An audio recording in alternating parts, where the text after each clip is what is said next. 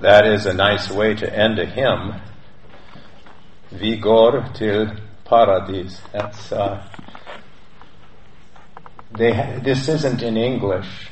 I wish it were in English. Talk for uh, your invitation. It is uh, my paper is too long, so I can't talk too much. Men jeg vil uh, si Jeg bodde i Norge når jeg var uh, ti år gammel, uh, og jeg lærte et lite grann norsk når jeg var en gutt.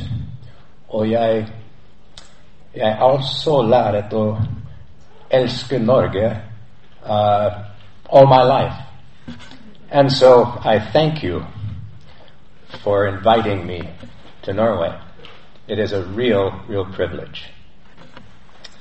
Uh, my topic is the relationship between atonement and justification.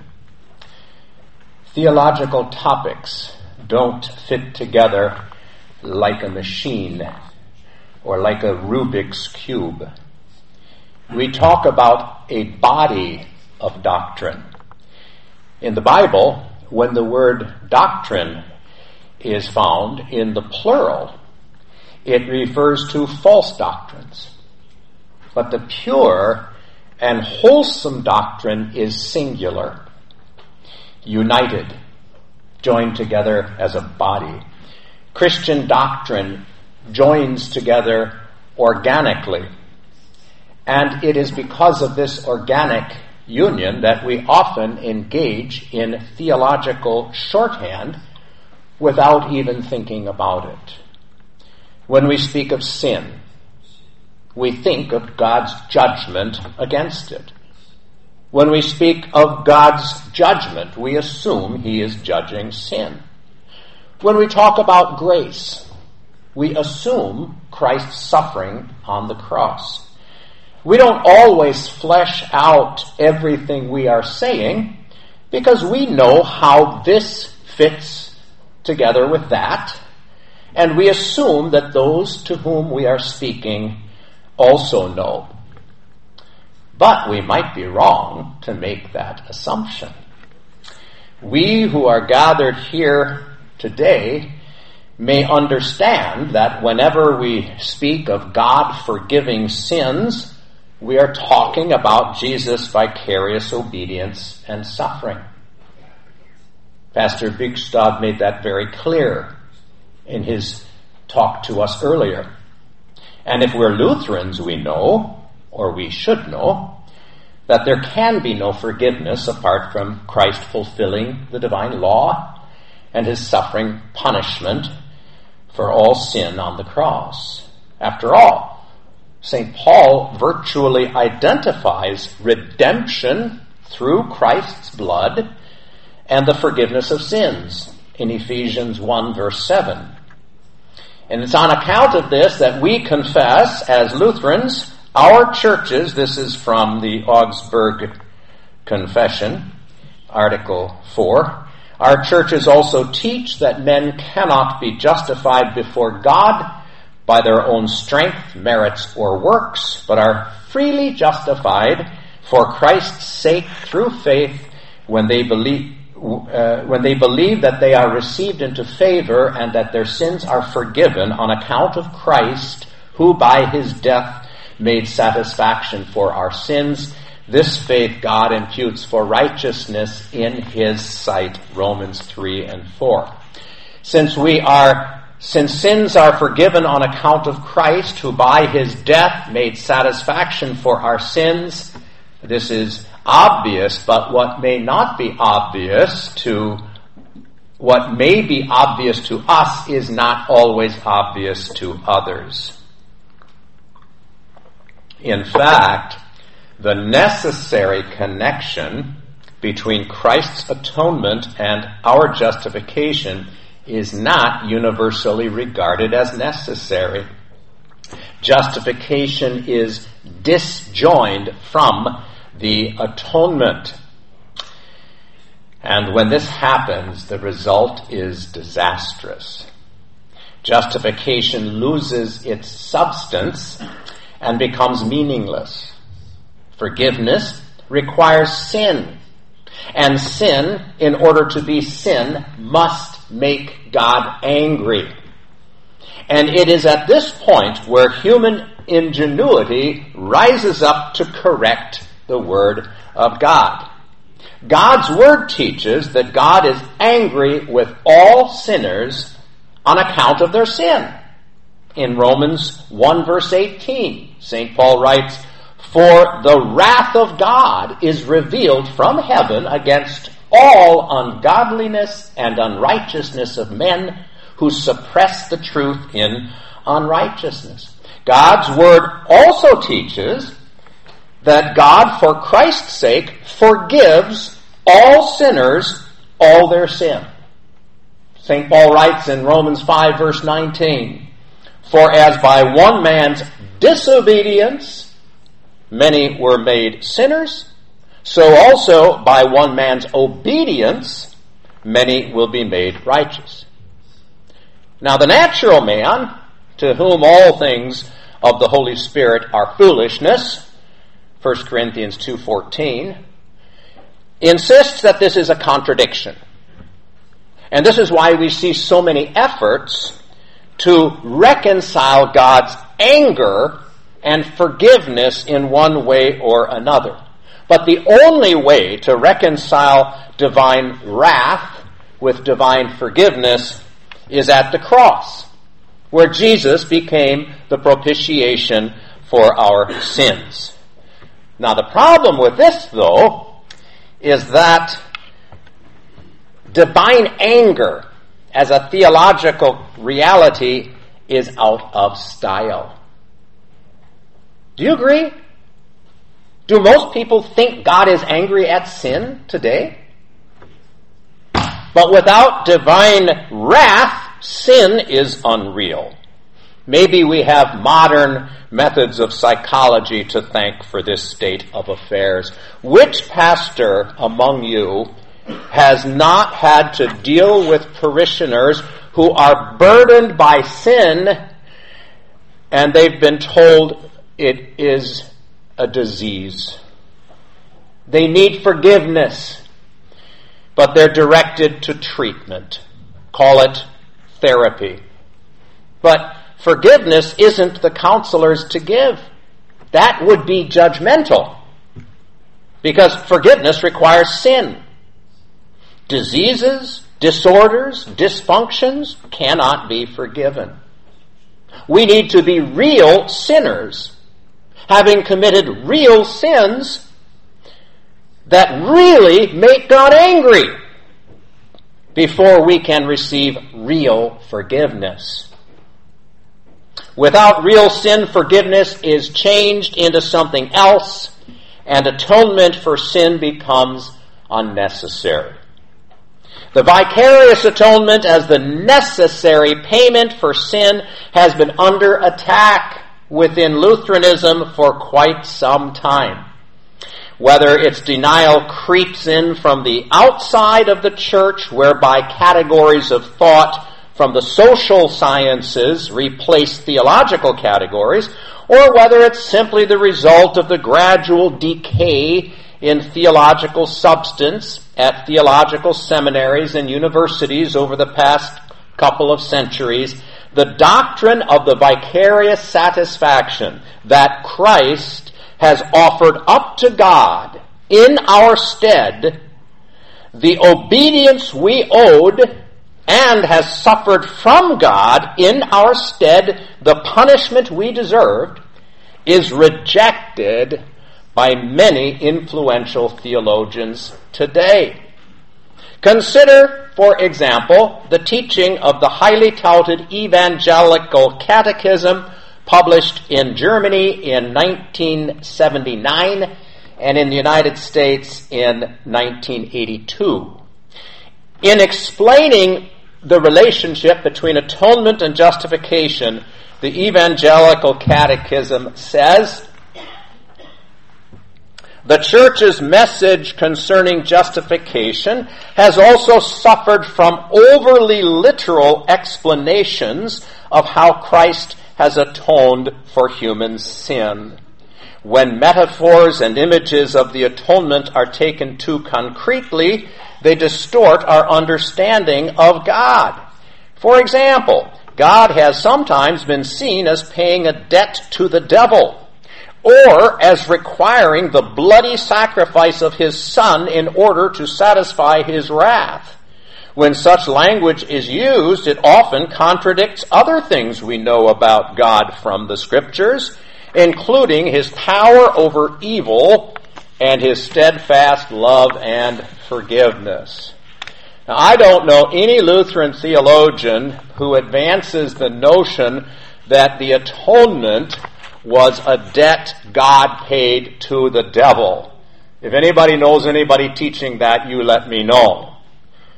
That notion is offensive in the extreme, predicated as it is on the lie that God owes the devil anything at all. Clearly, the writers of this catechism were not seriously concerned about such a notion, their real target was the doctrine that God required the bloody sacrifice of His Son to satisfy His wrath.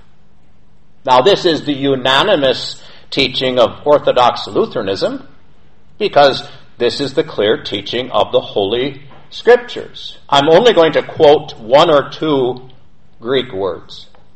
But one word is hilasmos. That's what this means. It means propitiation. Jesus is the propitiation for our sins and not for ours only, but for the sins of the whole world. 1 John 2 2. God's steadfast love, far from being in contradiction to the teaching that God's wrath was appealed by the bloody death of his Son, is defined by this teaching. As St. John writes, in this was love, not that we loved God, but that He loved us and sent His Son to be the propitiation for our sins. I'm going to skip the next paragraph. Gerhard Forde, jeg tror han er. Yeah. But I'm going to criticize him. I hope you don't mind. He, he's a popular Lutheran theologian in America, even among the more conservative Lutherans. But he attacks the doctrine of the vicarious atonement in his book on being a theologian of the cross. He writes, For the most part, we will no doubt be modest enough to admit that we cannot go the whole way on the glory road without the help of grace. But then Christ gets called into the scheme to make it work. Christ and the cross are taken up into abstract doctrines. The result is that the cross too is looked upon as though it were transparent. Theologians of glory will claim not only to be able to see through creation, but also to see through the cross, to figure out the final why. Why did Jesus have to die? Apparently, to pay for our failures and mistakes in the pursuit of virtue, godliness, wisdom, justice, goodness, and so forth. Thus, the cross is not really just what is visible, it becomes a launching pad for speculative flights into intellectual space, into the invisible things of God. It is not simply that a man sent from God is suffering, forsaken, and dying at our hands, as if that were not enough, but he is payment to God, whose justice one has supposedly peered into and figured out in some celestial court transaction. So Forde describes the historic Christian doctrine of Christ's vicarious atonement as a theology of glory. As theologians take speculative flights in intellectual space. What he calls speculative is the clear teaching of the Holy Scriptures. There is nothing speculative about it. It is the gospel proclaimed clearly by the prophet Isaiah, chapter 53. And since you heard that just a few moments ago, I won't repeat that to you now. He bore our griefs. The Lord laid on him the iniquity of us all. That Christ paid his life of obedience to the penal justice of God as the ransom to set us free from our sins is not a theological construct. It is not speculation. It is part of that golden thread woven through the scriptures from Genesis to Revelation. What Forde mocks as some sort of celestial court transaction is solid biblical blood atonement theology from God providing animal skins to cover the guilt ridden Adam and Eve, all the way to John describing Christ as the Lamb slain from the foundation of the world. Offense at the blood shed to propitiate wrath is as old as Cain the unbeliever that this offense should be paraded as solid Lutheranism, as Luther's theology of the cross, no less, is the scandal of our time. Now, why does modern theology reject the vicarious atonement of Jesus? I don't know. Maybe it's an aversion to acknowledging the reality of God's anger against sinners. It may be the byproduct of a breakdown of doctrinal substance and the replacement with some kind of existential experience. It may be the fruit of the so-called demythologizing of the Bible, advocated by Rudolf Bultmann in the first part of the 20th century. The Evangelical Lutheran Church in America was formed in 1986. In 1984, Fortress Press published Christian Dogmatics, edited by a couple, and I say they're Norwegian, but maybe they're not. Carl Braaten, han norsk. But Robert Jenson, he could be Swedish. Anybody know? Doesn't make any difference. Who cares? Uh, they're Americans, is what they are. Braaten Jenson Dogmatics has a textbook, has been the textbook on Christian doctrine used in the ELCA for about 30 years now. So to, I'm sorry, I'm ad libbing here, but if you are a pastor in America, close to two thirds belong to the ELCA. So this is the instruction over the past generation of pastors, Lutheran pastors in the United States, for most of them. And this is what the, what they say about the crucifixion. I'm quoting from Braaten Jenson Dogmatic. Oh my goodness. We have to be careful about that. Quote, the crucifixion of Jesus happened only once and will never happen again. Nevertheless, the meaning of the historical cross was transmitted in the supra-historical language of mythological symbolism. The cross is not a fact of history that interprets itself. The New Testament writers used a rich variety of symbols taken from the world of ancient Jewish and Gnostic mythology to interpret the meaning of the cross. When the cross is viewed mythologically and not simply as one historical event alongside others, it receives redemptive significance of cosmic proportions. It is the task of the doctrine of the atonement to explicate the dogmatic meaning of the cross. End quote. In other words, we need to interpret the myth. we must, quote, explicate the dogmatic meaning of the cross, end quote. It won't do simply to restate ancient myths. Myths, by their nature, are created and sustained within a particular culture and its particular worldview. As Bultmann has taught us, we need to speak in categories accessible to people today. But what replaces the myth of the atonement?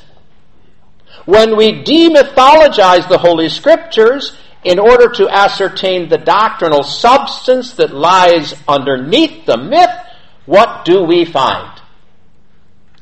We find nothing.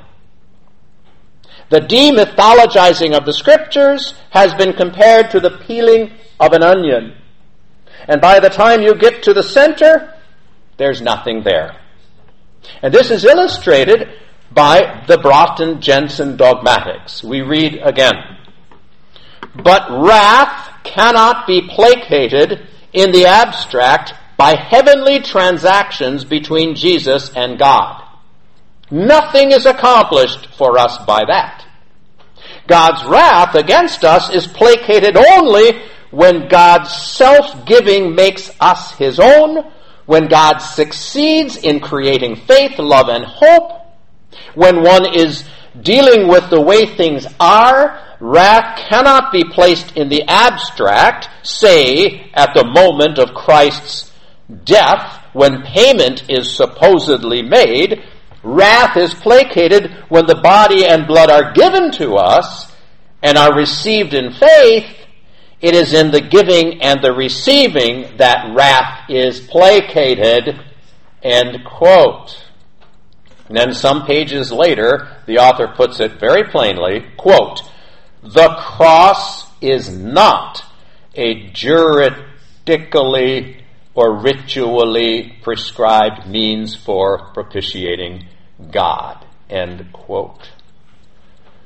So the rejection of Christ's propitiatory sacrifice moves the doctrine of justification away from what Jesus accomplished for us by his passion, 2,000 years ago by his passion, but rather the assurance of God's forgiveness depends on what we experience today. This is where they're, what they're saying.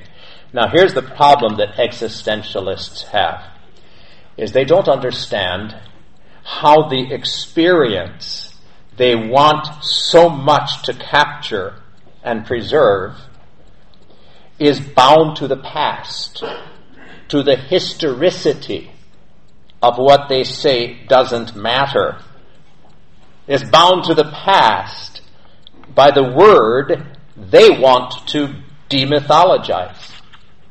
Not understanding what joins the here and now to the then and there, they undercut the faith that they're trying to defend. They would preserve the branch they're sitting on by cutting it off from the tree. And then, while they fall to the ground, they pontificate on the irrelevancy of the facticity of the tree. Now, I have a limerick in English. It won't rhyme Ponorsk. As I was sitting in my chair, I saw the bottom wasn't there. Nor legs, nor back. But I just sat, ignoring little things like that. Faith, which is here and now, when it loses its foundation in the then and there, loses its mooring and is cast adrift to be tossed this way and that by every wind of teaching. This is the tragedy of contemporary Lutheran theology. Let me quote an obscure Lutheran theologian by the name of Robert Preus, who quotes a Jewish convert to Christianity from Germany of the 19th century by the name of Philippi, And he speaks from his heart about the implications of the denial of the doctrine of the vicarious satisfaction. Listen to what he says. He who takes away from me the atoning blood of the Son of God, paid as a ransom to the wrath of God, who takes away the satisfaction of our Lord and Savior Jesus Christ, vicariously given to the penal justice of God, who thereby takes away justification or forgiveness of sins only by faith in the merits of this my surety and mediator, who takes away the imputation of the righteousness of Jesus Christ, takes away Christianity altogether. As far as I am concerned, I might as well have adhered to the religion of my ancestors, the seed of Abraham after the flesh. End quote. The need for atonement is sin. We look to the cross for the forgiveness of sin. We can also look to the cross to see our sin. And on this, I refer to the formula of Concord, Article 5. I'm going to quote just a portion of what I have here. Yea, what more forcible, more terrible declaration and preaching of God's wrath against sin is there than just the suffering and death of Christ, his Son. Let me quote Luther from Galatians commentary. In addition, it follows that our sins are so great, so infinite, and invincible that the whole world could not make satisfaction for even one of them. Certainly the greatness of the ransom, namely the blood of the Son of God, makes it sufficiently clear that we can neither make satisfaction for our sins nor prevail over it. The force and power of sin is amplified by these words, who gave himself for our sins. End quote. And it's not just our respected theologians who understand the need for atonement for sin if sin is to be forgiven. The great Norwegian playwright Henrik Ibsen put these words into the mouth of his character Brand. Hva verden kaller kjærlighet jeg ikke vil, ikke vet, and that's all I can say in Norwegian. I'll continue with the English translation. I know but his who reigns above, and his is neither mild nor weak, hard even unto death is this, and smiting with its awful kiss. What was the answer of God's love of old when in the olive grove in anguish sweat his own son lay and prayed, Oh, take this cup away. Did God take from him then the cup? No child, his son must drink it up. This is the offense of the cross. God requires the punishment of his son. But it is not an angry God who so demands that payment be made. It is a loving God. As Jesus said, recorded by St. John in that most famous Bible passage, God so loved the world that he gave his only begotten Son, that whoever believes in him should not perish, but have everlasting life. Now we need to avoid false antitheses. The scriptures are not written for our ease in constructing doctrinal systems. The Bible is not systematic theology. It is the Word of God.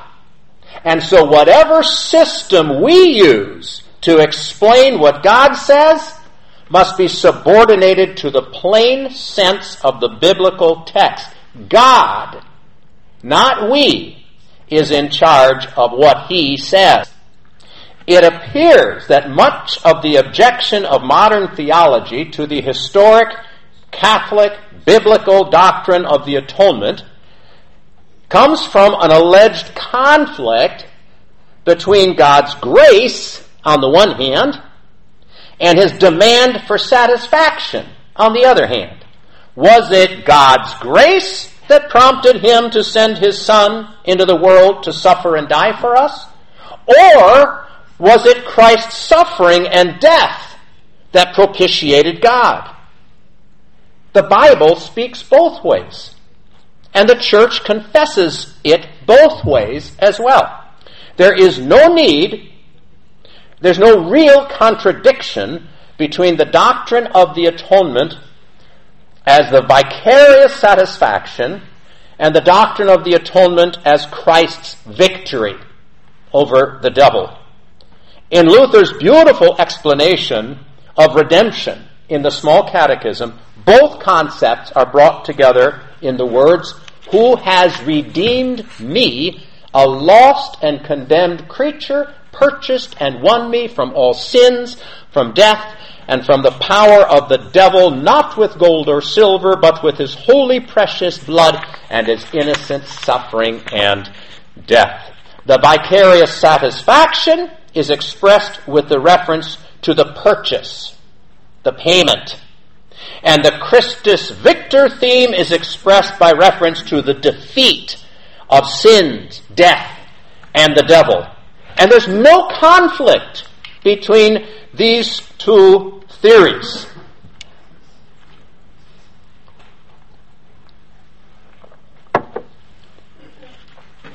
Consider Luther's autobiographical hymn, Dear Christians, one and all rejoice, and compare it to Luther's favorite hymn, Paul Speratus's Salvation unto us has come. The former features Christ leading the devil captive, a Christus Victor motif, while the latter has Christ fulfilling the law and stilling God's wrath, a clear presentation of the vicarious satisfaction by which God is propitiated. The reality of divine wrath against sin cannot reasonably be denied. The flight from a literal atonement is irrational if one believes in the free forgiveness of sins. What must we say about God if He forgives the ungodly without exacting payment for their sins? Solomon writes, Proverbs 17, 15, He who justifies the wicked and he who condemns the just, both of them alike are an abomination to the Lord. If it is an abomination to justify the wicked, how can St. Paul, in Romans 4 verse 5, identify the right faith as the faith that believes in the God who justifies the ungodly? It is either right or wrong to justify the ungodly. Right? How can it be both an abomination and the object of faith at the same time? It cannot be both at the same time without the vicarious satisfaction of Jesus. It is quite clear that absolute grace contradicts justice. By absolute, I mean considered of itself, apart from its connection with the payment of the price that justice requires. Acquitting the guilty is an injustice. And when Christ offers up his obedience to God on behalf of all humanity and suffers damnation on the cross in the stead of all humanity, then God can forgive anyone at all. St. Paul writes, being justified freely by his grace through the redemption that is in Christ Jesus, whom God set forth as a propitiation by his blood through faith to demonstrate his righteousness, because in his forbearance God had passed over the sins that were previously committed, to demonstrate at the present time his righteousness that he might be just and the justifier of the one who has faith in Jesus. God could not be just and the justifier of the one who has faith in Jesus unless Jesus were set forth as the propitiation.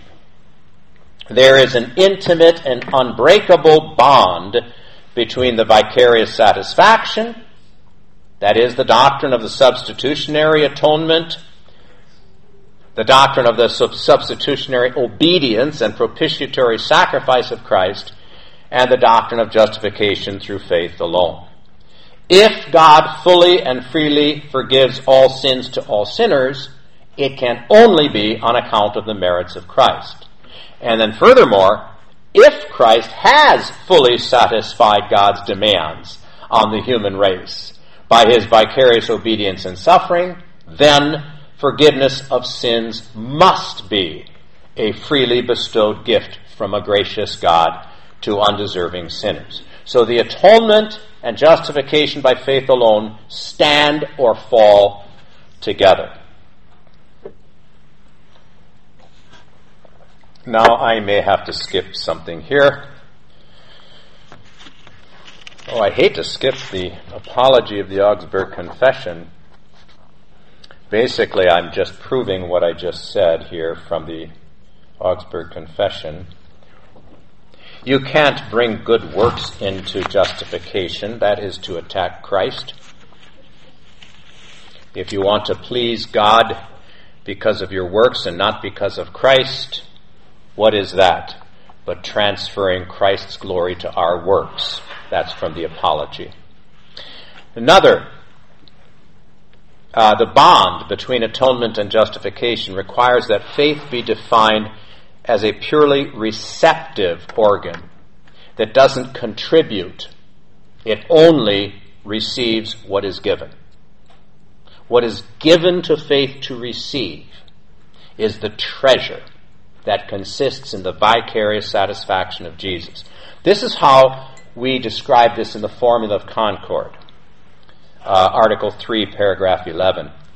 Faith is a gift of God whereby we rightly learn to know Christ as our Redeemer in the word of the gospel and to trust in Him that solely for the sake of His obedience we have forgiveness of sins by grace are accounted righteous and holy by God the Father, and are saved forever. What faith trusts determines the nature of faith. Now listen to this. You don't come up with a generic definition of faith that applies to any kind of faith in any kind of religious teaching and then apply that generic understanding of faith specifically to the Christian gospel. No. The Christian gospel determines the nature of the faith that receives it. The doing and dying of Jesus accomplishes our justification before God. The vicarious satisfaction and the forgiveness of sins belong together. They include one another. That means that if one is trusting in Jesus, as his Redeemer, he is not trusting in his works, his devotion to God, his commitment to God, his decision for God, or anything else associated with his faith. When Luther translated Romans 3:28 and added the word alone after the word faith, justified by faith alone, he wasn't adding his own idea to the sacred text. He was coming to a conclusion about the role of faith in justification that was necessitated by the redemption of Christ and his propitiatory sacrifice of which St. Paul wrote in the previous verses. If the redemption redeems, if the propitiation propitiates, then faith cannot do either. The alone in justification by faith alone is required by the object of faith, which is the redemption, the propitiation, the vicarious satisfaction of Jesus. The object of faith determines the nature of faith and the function of faith. What is faith? Confidence, trust. That's its nature. And faith is pure receptivity. That's its function. It doesn't do. It receives. Luther understood that. To trust in Christ is to trust in his vicarious satisfaction. It is to trust in the Christ who satisfied the demands of God's law. Since Christ is the object of faith, this means that the notion of faith being a quality in the soul, a theological virtue, which achieves its purpose only when it's formed by love, that is impossible. The object of faith disallows that understanding. Luther says, No one's faith endures except as he relies on Christ's own righteousness and is preserved by his protection. I'm skipping several lines here. Christ cannot be condemned, nor can anyone who throws himself on him. The one whose righteousness God accepts, the one who is in God's grace, the one who cannot be condemned, the one who is without any sin, is the one in whom faith trusts. And the sheep of the Good Shepherd won't follow the voice of a stranger because the stranger doesn't have the righteousness and grace they need. The stranger is not without sin, and the stranger can be condemned. It is precisely the vicarious nature of Christ's obedience and suffering that makes faith purely receptive. Faith claims what is Christ's.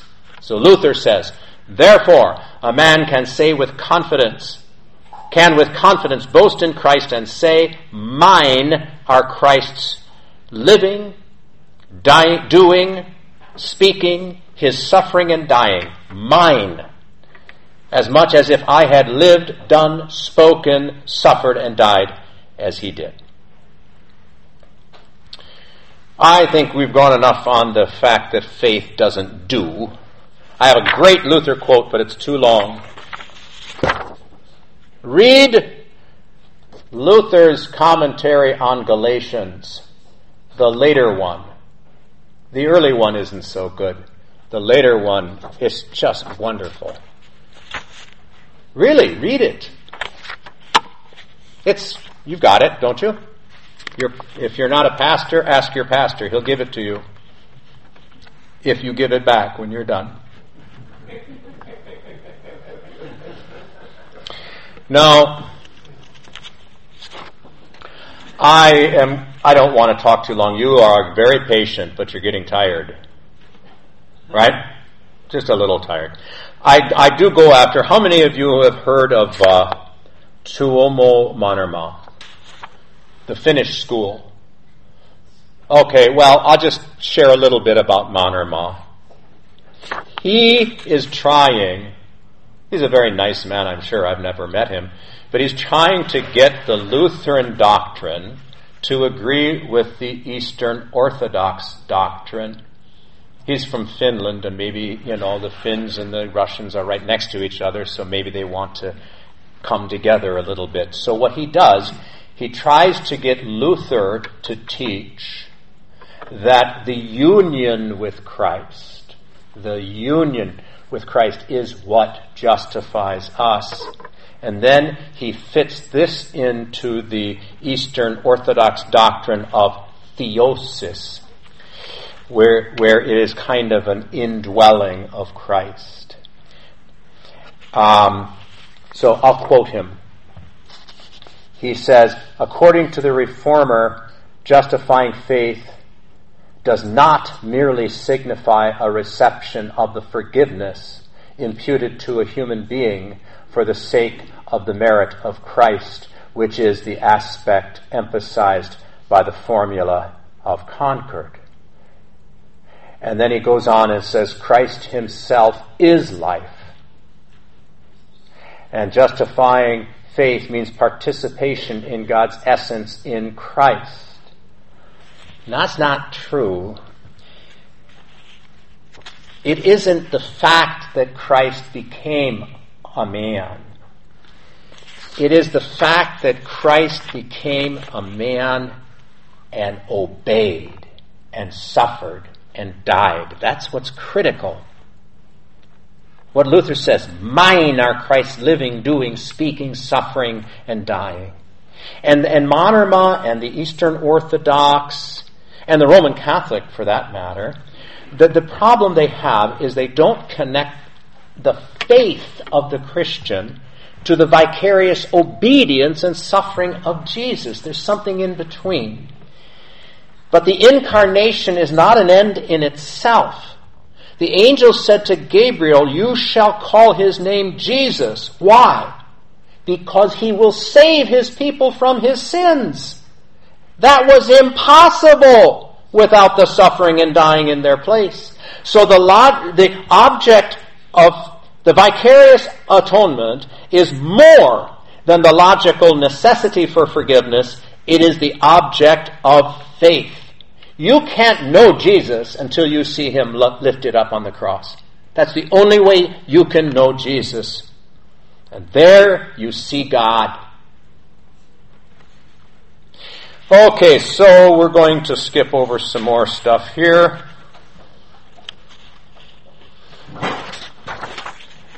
Ah, I have to talk just a little bit about the Muslims. Is that okay? Do we have any Muslims in Norway? We have lots in the United States. Now, you can devise a system of grace without the atonement. I used to know uh, he was a Muslim, but he ran a liquor store. I don't understand how a Muslim can run a liquor store, but he and I talked theology. This was years ago in Racine, Wisconsin. And uh, of course, he did not believe in Jesus as uh, his death on the cross. Uh, but he did believe God was gracious. So I asked him, What is grace? He says that God gives us more credit for our good deeds than blame for our bad deeds. That's grace. So when he weighs our good and evil deeds on the scale of justice, he rigs the scale just a bit in favor of the good. Now, Islam uh, objects to Christianity, and I'm going to read something, and it may be offensive to you, and I'm sorry, but this is from a Muslim attacking our faith. But I want you to see the way they think. And was he crucified for some evil he had done? Or why did he merit the punishment? And did the Jews do well when they crucified him? in order that you might be saved? Or did they do evil that you might be delivered? An extraordinary thing. And if you say they did well, I ask you, why do you count them enemies?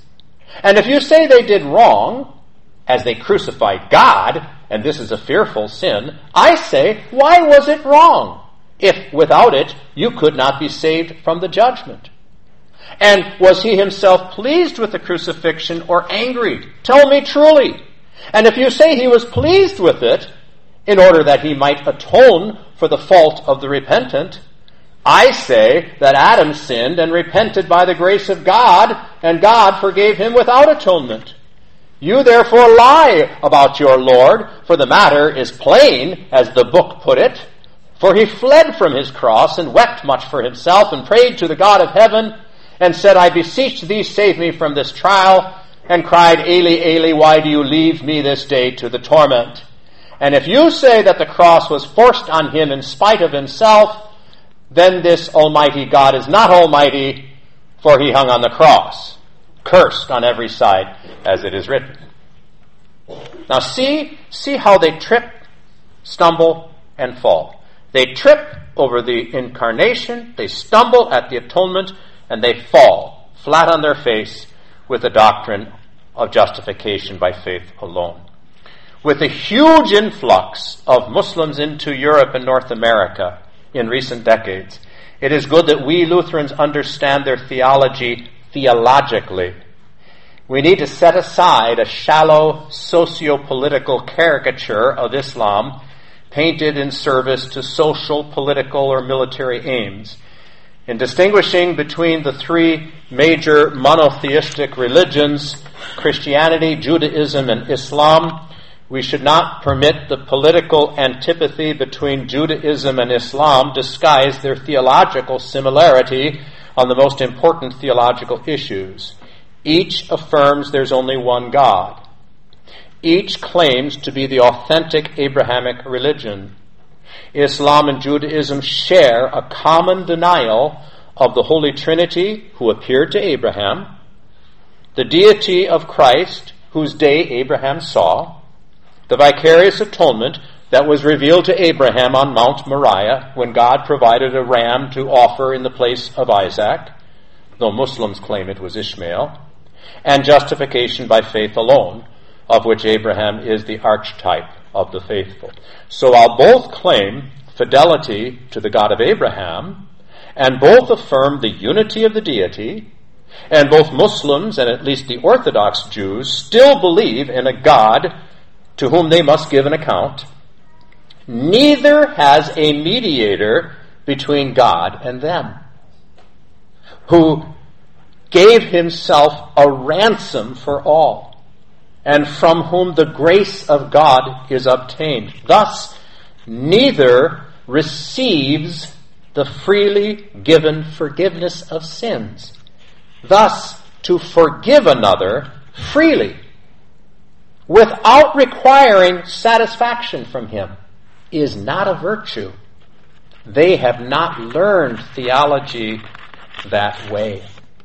That a man must pay for his sins without relying on the payment of another is a theological principle translated into every sphere of life. The righteousness Abraham obtains through faith is incomprehensible within the parameters of a religion that rejects the vicarious atonement. And so the Abrahamic religions are not really Abrahamic at all. Oh, I don't know. I should probably quit here. Let me just see if I can come. Oh, I'm just about done. Sure. I have a great Chemnitz quote, which I won't read. It's not as if I have something more important to say than Chemnitz, but I have a short conclusion, then we'll be done.